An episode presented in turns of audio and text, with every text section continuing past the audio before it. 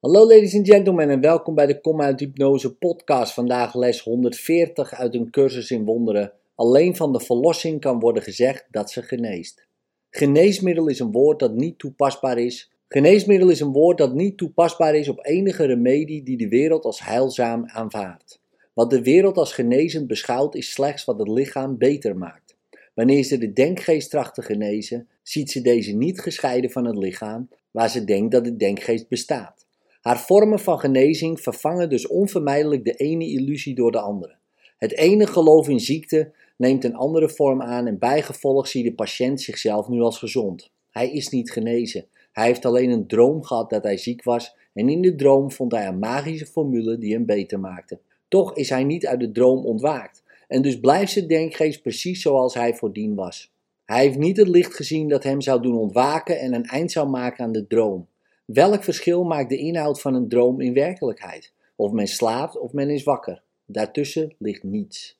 De gelukkige dromen die de Heilige Geest brengt zijn anders dan de dromen van de wereld, waar iemand alleen maar dromen kan dat hij wakker is. De dromen die vergeving de denkgeest laat zien, brengen geen andere vorm van slaap teweeg, zodanig dat de dromer een andere droom droomt. Zijn gelukkige dromen zijn voorboden van het dagen van de waarheid in zijn denkgeest. Ze leiden van slaap naar zacht ontwaken, zodat dromen voorbij zijn. En zo genezen ze voor alle eeuwigheid. De verzoening geneest met zekerheid en geneest elke ziekte.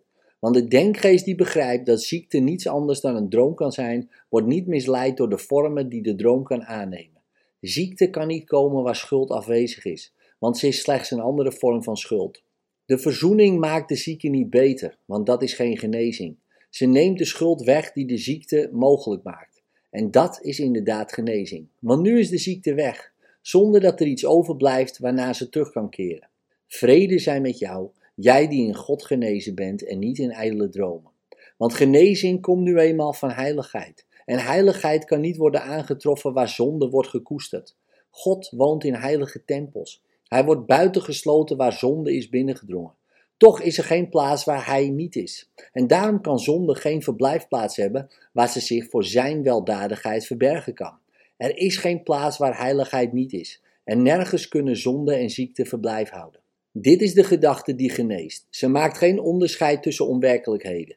Evenmin probeert ze te genezen wat niet ziek is, zonder acht te slaan op waar de behoefte aan genezing ligt. Dit is geen magie. Het is slechts een beroep op de waarheid, die niet nalaten kan te genezen en wel voor altijd. Het is geen gedachte die een illusie beoordeelt naar haar omvang, haar schijnbare ernst, of naar iets wat betrekking heeft op de vorm die ze aanneemt. Ze concentreert zich louter op wat ze is en weet dat geen illusie werkelijkheid kan zijn. Laten we vandaag niet proberen te genezen wat niet aan ziekte kan leiden. Genezing moet alleen daar worden gezocht waar ze is en dan toegepast worden op wat ziek is, zodat het kan worden genezen. Geen enkele remedie die de wereld verschaft kan in wat dan ook een verandering brengen. De denkgeest die illusies naar de waarheid brengt is werkelijk veranderd. Er is geen andere verandering dan deze. Want hoe kan de ene illusie van de andere verschillen, behalve in eigenschappen die geen substantie hebben, geen werkelijkheid, geen kern en niets dat werkelijk verschillend is? Vandaag proberen we ons denken te veranderen over wat de bron van ziekte is. Want we zoeken een geneesmiddel voor alle illusies, niet een nieuwe verschuiving onder hen. We zullen vandaag proberen de bron van genezing te vinden, die zich in onze denkgeest bevindt, omdat onze Vader die daar voor ons heeft geplaatst. Ze is niet verder van ons verwijderd dan wij zelf. Ze is ons even nabij als onze eigen gedachten. Zo nabij dat ze onmogelijk te verliezen valt. We hoeven haar slechts te zoeken en ze zal zeker worden gevonden. We zullen ons vandaag niet laten misleiden door wat zich aan ons voordoet als ziek. We gaan vandaag aan verschijningsvormen voorbij en bereiken de bron van genezing, waarvan niets uitgesloten is. We zullen slagen in de mate waarin we beseffen dat er nooit een zinvol onderscheid kan worden gemaakt tussen wat onwaar is en wat even onwaar is. Hier gelden geen gradaties en is geen sprake van de overtuiging dat wat niet bestaat meer waar is in sommige dan in andere vormen. Ze zijn allemaal onwaar en kunnen genezen worden omdat ze niet waar zijn. Dus leggen we onze amuletten, onze bezweringen en medicijnen, onze toverzangen en stukjes magie terzijde, welke vorm ze ook aannemen. We zullen stil zijn en naar de stem van genezing luisteren, die alle kwalen als eender zal genezen en de Zoon van God zijn innerlijke gezondheid terug zal geven. Geen stem dan deze kan genezen.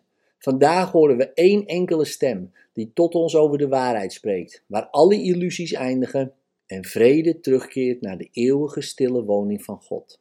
We horen Hem bij het ontwaken en laten Hem vijf minuten tot ons spreken bij het begin van de dag en eindigen de dag met opnieuw vijf minuten te luisteren voor we slapen gaan. Onze enige voorbereiding bestaat hierin dat we onze storende gedachten opzij laten zetten, niet één voor één, maar allemaal ineens. Ze zijn hetzelfde. Hoeven ze niet verschillend te maken en zo het moment uit te stellen waarop we onze Vader tot ons kunnen horen spreken. We horen Hem nu.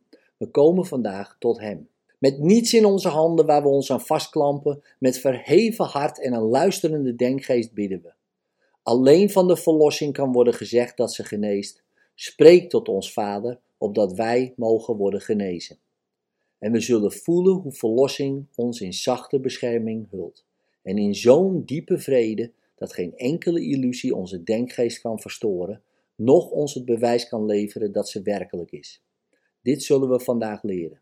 En we zullen elk uur ons gebed en genezing zeggen en er een minuut voor nemen als het uur slaat, om te horen hoe ons het antwoord op ons gebed gegeven wordt, terwijl we daar in stilte en vreugde aandachtig naar luisteren. Dit is de dag waarop genezing tot ons komt. Dit is de dag waarop afscheiding eindigt en we ons herinneren wie wij werkelijk zijn.